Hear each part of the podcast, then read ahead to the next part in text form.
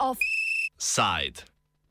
I, I, I learned years ago that uh, the best two words to know in in the whole of former Yugoslavia are nema problema.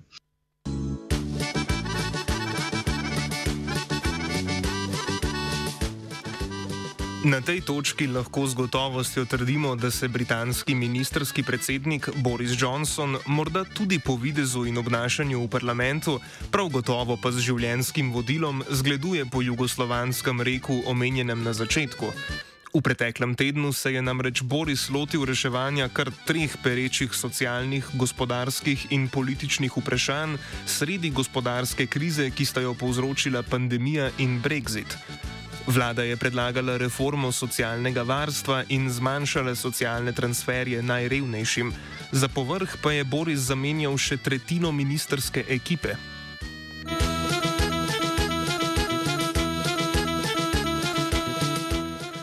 Začnimo pri vprašanju socialnega varstva oziroma dolgotrajne oskrbe, ki je že desetletja eden najtrših orehov britanske notranje politike. Težave z zagotavljanjem ustrezne oskrbe za starejše in pomoči potrebne v Združenem kraljestvu opiše Ian Begg, profesor na Evropskem inštitutu Univerze London School of Economics. Social care has been a huge problem for the British system for many, many years for the simple reason that the population is aging and no one has discovered the perfect formula for paying for the social care that will be needed for older people. if they if they go into homes, it is expensive. A lot of it's provided through the the private sector, and there's a combination of the care costs and what are known as the, the hotel costs. That's the costs of the room and of the, the food and drink that uh, people in care consume. The government has been struggling at least since 2017 when Theresa May was Prime Minister and she proposed in her election campaign that year a new system for social care, which was immediately criticized by others as being a tax on dementia, because it would require individuals or families to pay some of the cost, but limit that cost to a certain level. Britanci se torej srečujejo s podobno zagonetko kot večina evropskih držav, tudi Slovenija. Kako ob starajočem se prebivalstvu zagotoviti dovolj denarja za socialno varstvo? A Boris je vsemu skupaj rekel le: Nema problema. Vlada tako predlaga korenite spremembe pri načinu financiranja omenjenega varstva. Limit the amount that families pay to a certain sum, which is about a, a hundred thousand euros approximately. And that will be the maximum a family will pay. Therefore, they don't have to dispose of the assets of the, the family to pay for the care of elderly relatives. Now, the trouble with this approach is that the other way of funding it, which has been chosen, is to fund it through what's known in, in most European countries as social charges. In, in Britain, it's called the national insurance. Now, in the past, national insurance has been very similar to income tax. It's charged on people in work, not people who are not in work and is a proportion of their salaries paid partly by the individual and partly by the employer. The proposal that Boris Johnson has put forward is to raise this national insurance tax by one and a half percentage points in a way which will raise more money. He's criticised because in the early years, most of the, the money raised by this new tax is going to pay not for social care, but for the backlog in the National Health Service caused by COVID. To pomeni, da sistem socialnega varstva še vsaj tri leta ne bo videl nobenega dodatnega denarja iz nove obdavčitve. A niti po tem času naš sogovornik ni prepričan, ali se bo vse denar dejansko zlil v dolgotrajno oskrbo, saj državni zdravstveni aparat zahteva vse več denarja za oskrbo starajočega se prebivalstva. Poleg že omenjenih težav s starostno strukturo prebivalstva ima britanski socialno-varstveni sistem tudi globlje strukturne težave povezane s sistemom javnega zdravstva. The problem in social care in Britain has, has become increasingly acute because in practice, hospitals were having very often to take the most difficult patients or most difficult uh, older people into hospital, and they were then blocking hospital beds when they really didn't need to be in hospital for, for care reasons. And that's because the provision of care was inadequate. That's a, an underlying motivation for changing this. It's not nearly as strong a problem in some of the richer European countries like Germany or France, which have uh, invested or spent more on social care than in Britain and have therefore better qualities and not this same problem of of whether the social care is interacting in a very negative manner with the healthcare system. Pri tem pa je zanimivo in morda povezano dejstvo, da se britanski socialno-varstveni sistem financira tako rekoč izključno iz splošnega davkoplačevalskega denarja, namesto iz namenske socialne dajatve. One big difference in Britain compared with the majority of other European countries is the relatively small proportion of social care costs which is paid for through a social insurance system. in Germany or in France, and indeed in Slovenia and the Czech Republic, you find that there's a very high social charge, which is, if not directly used to pay for social care, at least equated in the minds of citizens with the provision of the level of social care. In Britain, but also interestingly in Denmark, it's general taxation which pays the great the greatest proportion of the cost of both health and social care. So that's a maybe not a difference that makes all that great a change to how things end up. But in political terms, the fact that it's general taxation that pays for it can be interpreted differently from when there is a, an organized social insurance system. Prav ta sistem financiranja in posledična dodatna obdavčitev sta očitno najbolj politično sporna, predvsem za tradicionalno davkomrzno konzervativno stranko, ki jo vodi Boris Johnson. Njegovi kolegi mu očitajo tudi način nove obdavčitve. Now, another aspect of this, which is potentially uh, open to challenge, is that by funding it through a tax on those in work, it's being interpreted as a tax on jobs at a time when you'd hope that more people would be in employment. The alternative would have been to find some way of taxing the wealth of the elderly, especially. But the choice that Boris Johnson has made is, is to favour the elderly by putting the cap on how much is paid and to impose the burden on the next generations who are still in work in a way which some would argue is not the right way to do it.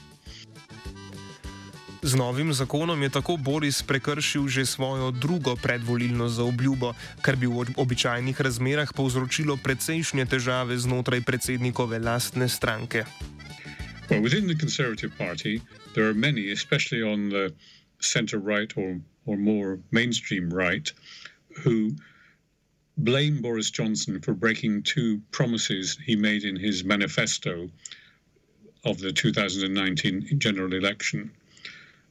And in this regard, it's important to realise that normally in Britain, a manifesto commitment is something that parties get very heavily criticised if they break it. Now, the two manifesto commitments in relation in this regard are that there will be no increase in VAT, value-added tax, income tax, or national insurance. Boris and his government have now chosen not to realise the, the promise not to raise national insurance because they see the importance of funding social care and health care. So that's one broken promise. The other broken promise was one to pensioners, which is that their pensions would increase every year by what's known as the triple lock.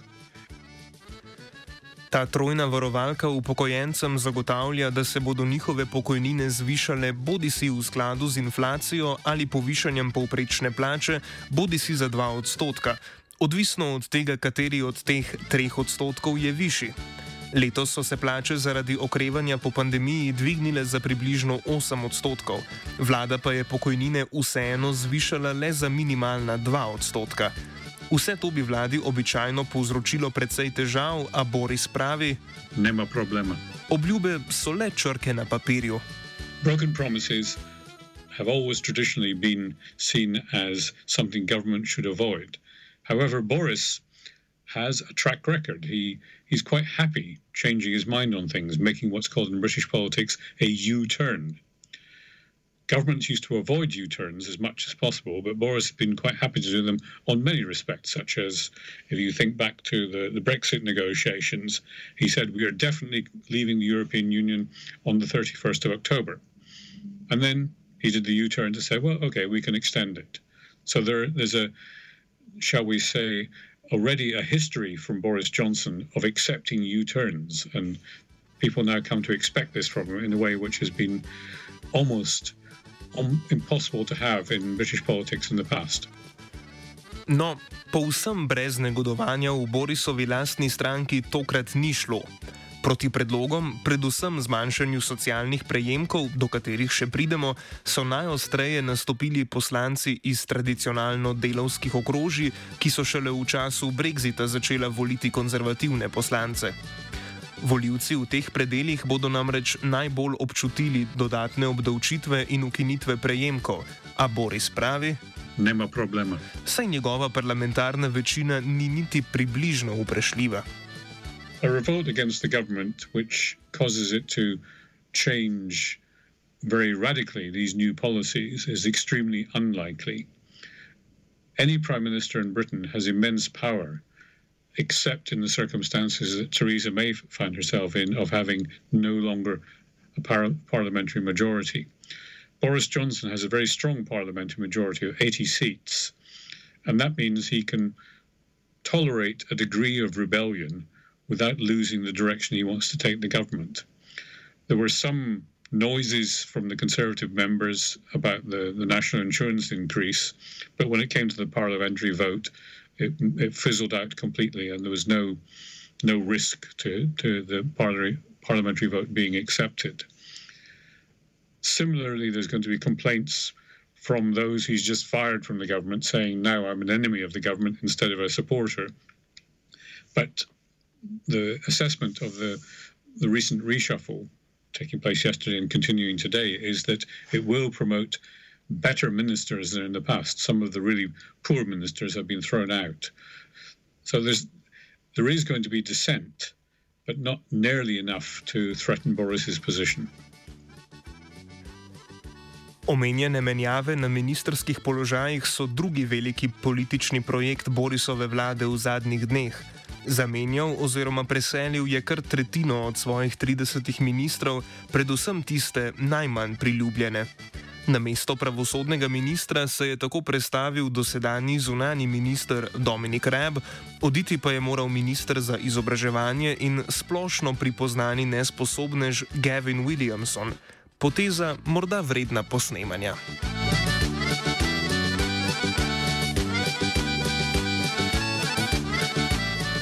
Borisovi kritiki mu očitajo, da je politični kader menjal, da bi odvrnil pozornost od glasovanja za podaljšanje dodatka najbolj socialno ogroženim, ki so ga konzervativni poslanci v parlamentu soglasno zavrnili. Najrevnejši Britanci bodo tako na svoje račune dobili približno 20 funtov manj.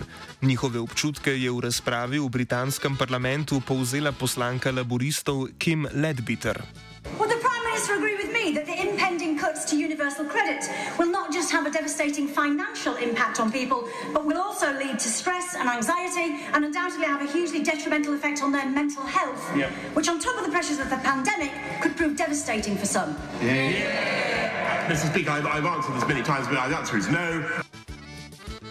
Občutke vlade pa Borisu v odgovoru. Vlada namreč meni, da Nema problema. Saj lahko revni, kot je v jutranji pogovorni oddaji dejala ministrica za delo in pokojnine Therese Coffey, preprosto delajo dve uri več na teden. 20 pounds a week is about two hours extra uh, uh, work every week. We'll be seeing what we can do to help people uh, perhaps secure those extra hours, but ideally also to make sure they're in a place to get better paid jobs as well. Zanimivo je, da ministrica, ki je neposredno zadolžena za to področje, ne ve, da minimalna plača ne znaša 10 funtov na uro, ampak 8. Ob hkratnem zmanjšanju transferjev zaradi do dodatnega zaslužka pa bi delavec na minimalni plači moral delati kar 6 ur več na teden, da bi nadomestil izpad dodatka. V ozadju celotne sage reform socialne politike in političnih menjav je gospodarska kriza zaradi pandemije, ki jo je v Združenem kraljestvu še poglobil Brexit.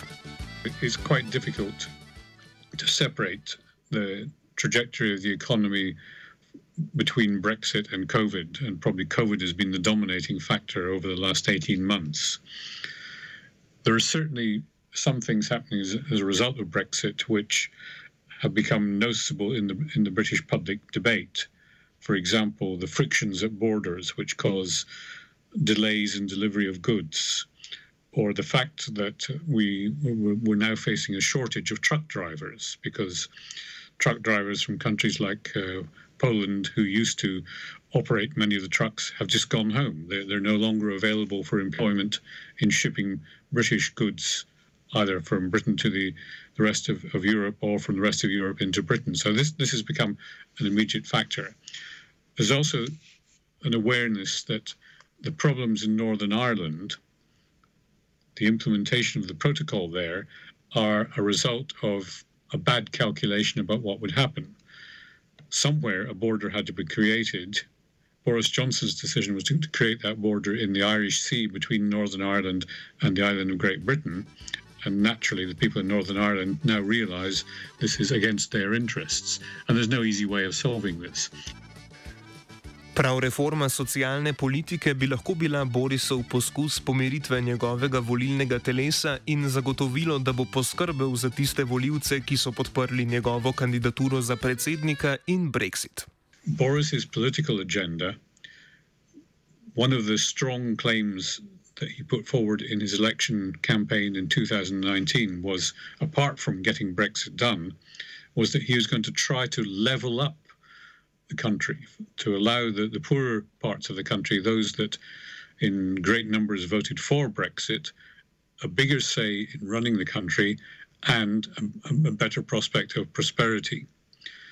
We wait to see how he will achieve this, but some of the social changes he's imposing can be linked to this levelling up agenda because the decision was taken not to replicate the austerity policies of 10 years previously, but instead to spend more and tax more and borrow more. And that's a very important political difference from when David Cameron was dealing with the, the effects of the global financial crisis. Za zdaj se zdi, vsaj glede na javnomnenjsko podporo, da se voljivci še strinjajo s trditvijo predsednika vlade, da težav ni. A prva negodovanja iz volilnih okrajev, kjer so najbolj goreče glasovali za odcepitev od skupne evropske povezave, bi lahko bila znak krhanja pregovornega političnega teflona, s katerim se je obdal Boris. Brščans pa prave nevarnosti za konzervativno vlado ne bo, dokler se ne pojavi resna politična opozicija iz vrst laboristov, ki pa je za zdaj nema.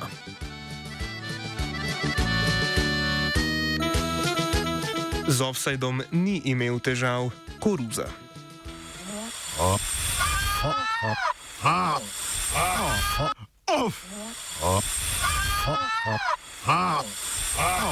Off. side.